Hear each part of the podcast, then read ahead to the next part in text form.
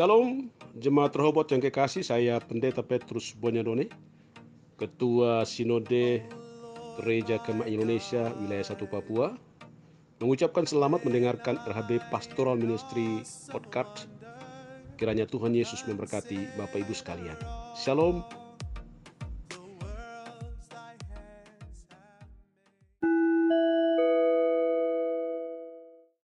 Shalom jemaat Rehoboth yang kekasih, saya Pendeta Daniel Ronda, Ketua Umum Gereja Kemai Injil Indonesia. Selamat mengikuti podcast RHB Pastoral Ministry yang memberkati saudara-saudara semua. Tuhan memberkati kita.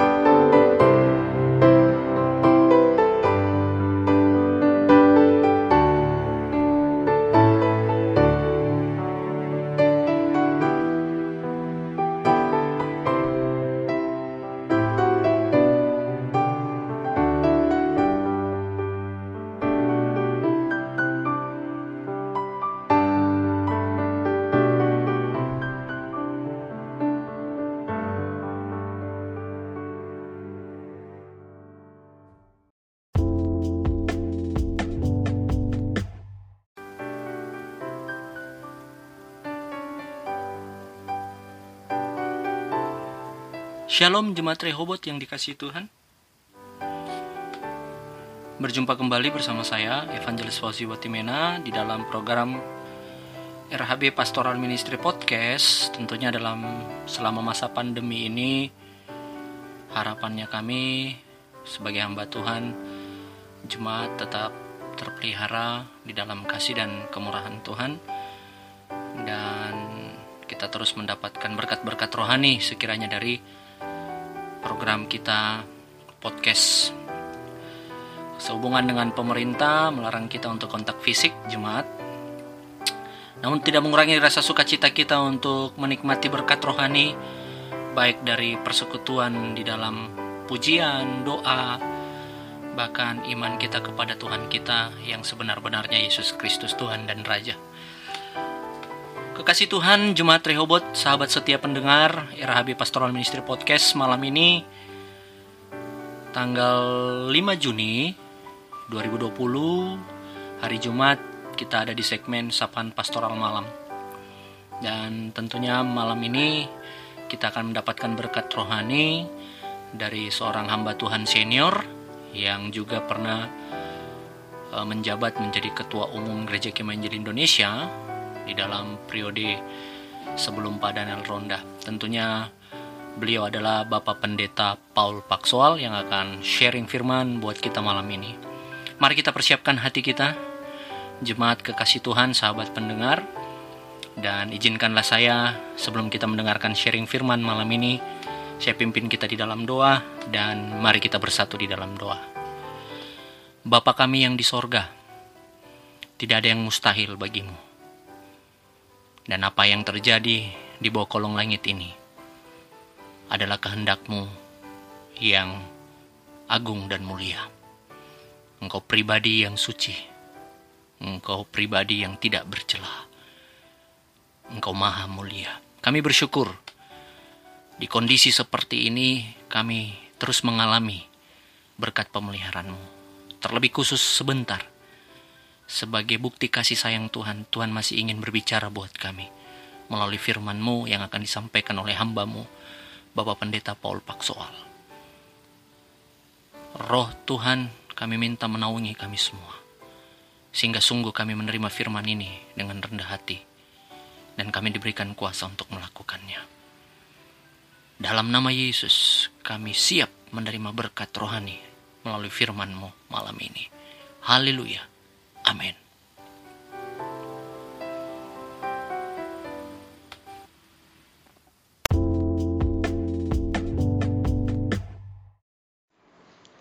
Halo, selamat pagi. Apa kata Alkitab tentang seorang suami Kristen? Efesus pasal yang kelima, ayat 22 sampai 25 katakan begini. Hai istri, tunduklah kepada suamimu seperti kepada Tuhan. Karena suami adalah kepala istri sama seperti Kristus. Adalah kepala jemaat, ialah yang menyelamatkan tubuh. Karena itu sebagaimana jemaat tunduk kepada Kristus, demikian juga istri kepada suami dalam segala sesuatu.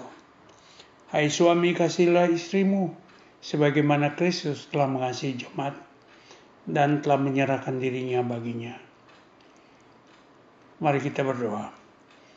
Tuhan siapkan hati kami untuk mendengar firman-Mu. Dan bukannya mendengar tapi juga melakukan semua kebenaran firman-Mu. Inilah doa kami, syukur kami dalam nama Tuhan Yesus. Haleluya. Amin. Gambaran yang paling jelas akan peran seorang suami Kristen kita bisa temukan dalam Efesus pasal 5 ayat 15 sampai 33. Instruksi Paulus bagi istri Kristen dimulai dengan ayat 23 yang berbunyi karena suami adalah kepala istri sama seperti Kristus adalah kepala Jumat. Dialah yang menyelamatkan tubuh. Ayat ini menjelaskan bahwa sang istri perlu memandang suami sebagai pemimpin. Cara kepemimpinannya bagi kebagikan Kristus memimpin gereja yang dikasihnya. Kristus adalah asal mula dan sumber keberadaan gereja. Dialah yang menyelamatkan gereja dan memberi hidup melalui Roh Kudus. Ia pula yang memberikan rupa-rupa karunia agar anggota-anggota tubuh dapat bertumbuh dan melayani. Ia adalah sumber pengharapan orang-orang percaya. Ia bukan hanya pertama bangkit dari antara orang mati dan tidak mengalami kematian lagi, tapi juga memberikan jaminan kebangkitan bagi semua orang percaya. Ia adalah pemimpin yang harus diutamakan dalam segala sesuatu. Anggota-anggota tubuh harusnya mendengarkan dan mentaati serta bertindak seturut kehendaknya. Dalam ayat 25, Paulus mengulangi penjelasan ini secara langsung pada para suami. Hai suami, kasihilah istrimu sebagaimana Kristus telah mengasihi jemaat dan telah menyerahkan dirinya baginya. Jadi teladan seorang suami Kristen adalah Kristus sendiri. Dengan kata lain, Allah mengendaki supaya para suami Kristen mengasihi istri secara rela berkorban, secara penuh dan tanpa pamrih sama seperti kasih juru selamat bagi kita. Seorang suami Kristen harus siap menyerahkan segalanya, bahkan nyawanya bagi keperluan istrinya. Rencana Allah adalah supaya sang suami dan istri menjadi satu. Dalam Markus 10 ayat 8. Sehingga keduanya itu menjadi satu daging Demikianlah mereka bukan lagi dua, melainkan satu. Jadi apa yang dimiliki sang suami harusnya menjadi milik juga istri. Tidak ada egoisme dalam kasih.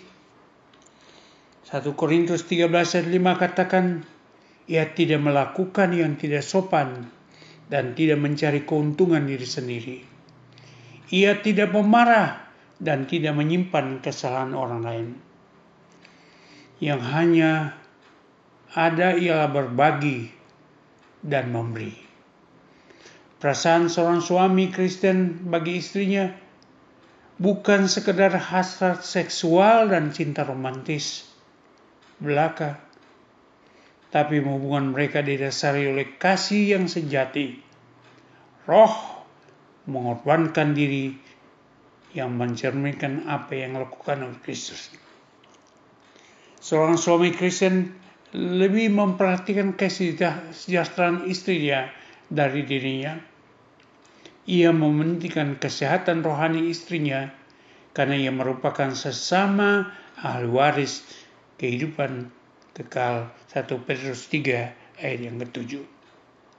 Ia tidak memikirkan apa yang dapat diperoleh dari dirinya, ia memikirkan apa yang bisa dia berikan bagi istrinya darinya. Dan saudaraku sebagai kesimpulan pandemik saat ini izinkan oleh Tuhan supaya dengan demikian seluruh suami akan lebih mendekat pada Allah. Yakobus 4 ayat 8 katakan mendekatlah kepada Allah dan ia akan mendekat kepadamu. Bersihkanlah tanganmu, hai orang-orang berdosa, dan murnikan hatimu, hai orang yang mendua hati. Yakobus 4 ayat 8. Yang kedua, pandemik ini memberikan kesempatan supaya kita tidak hidup dalam kekhawatiran. Dan Lukas pasal 12 ayat 25 sampai 26 katakan, Siapakah di antara kamu yang karena khawatir dapat menambah sehatnya pada umur hidupnya? Jika kamu tidak dapat melakukan hal yang kecil itu, mengapa kamu khawatir karena hal-hal yang lain? Banyak orang cemas dan khawatir mengenai virus corona. Tapi inilah saat untuk percaya kepada Allah Yang ketiga, supaya kita juga menghitung hari-hari kita. Masa-masa krisis sering kali dipakai Allah untuk memberikan kita hikmat untuk menghargai setiap hari. Mazmur 90 ayat 12 katakan, Karena itu ajarlah kami menghitung hari-hari kami supaya kami hidup dengan bijaksana. Ini kesempatan untuk suami akan berfungsi menjadi imam dalam keluarga secara alkitabiah. Ya Tuhan tolong kita dan menjadikan kita menjadi berkat baginya. Amin.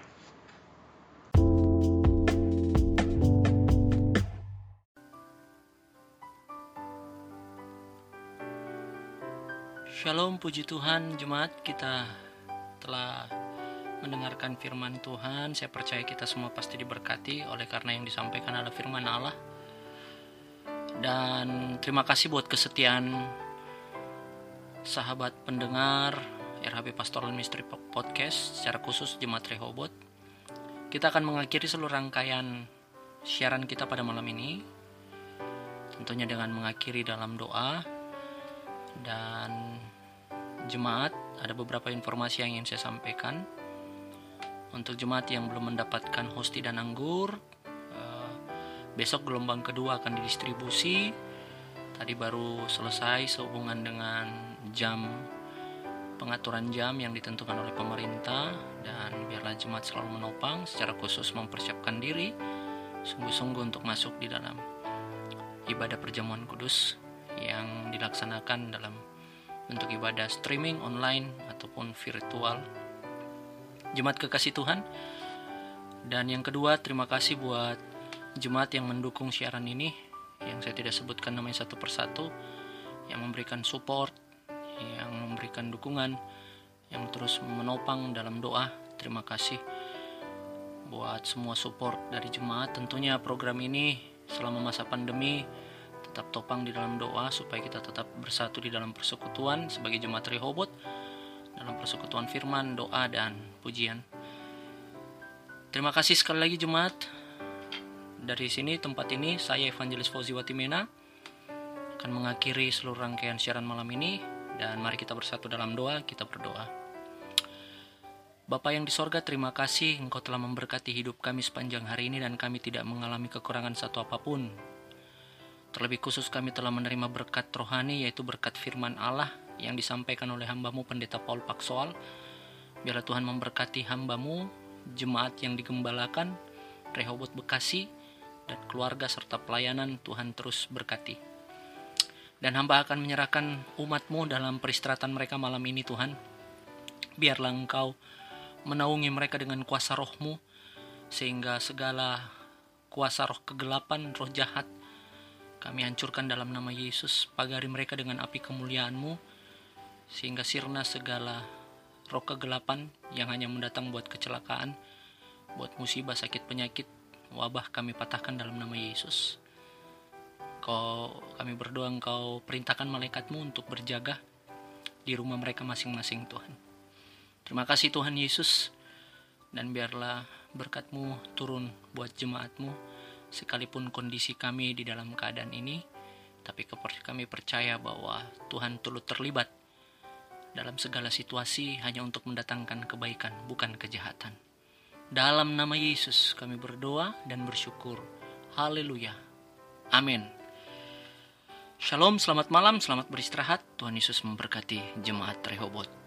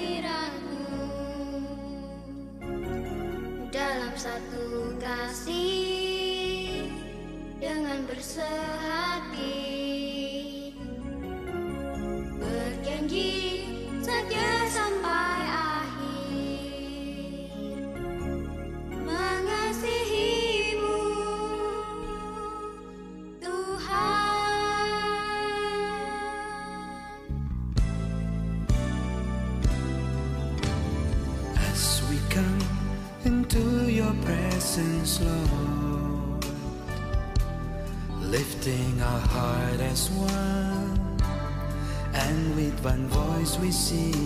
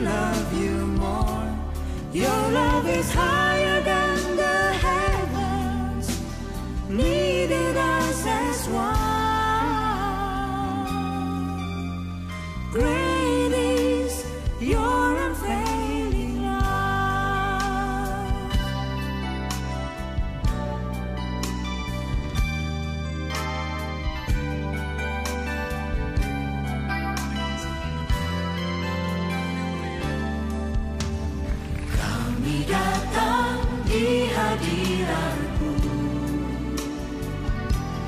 dalam satu kasih dengan bersehati.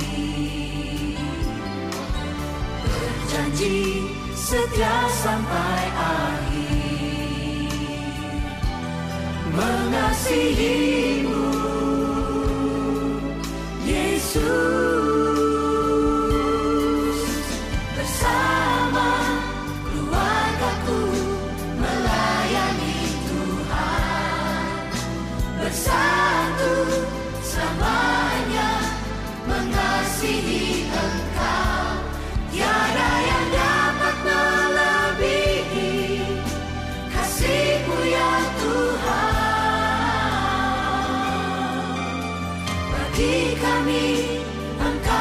God.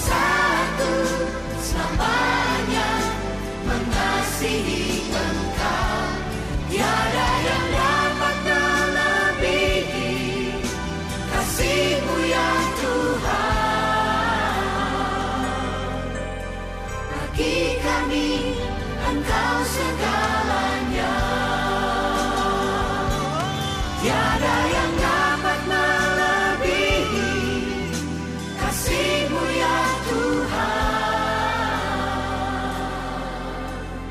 Ya Tuhan. Bagi kami engkau segala.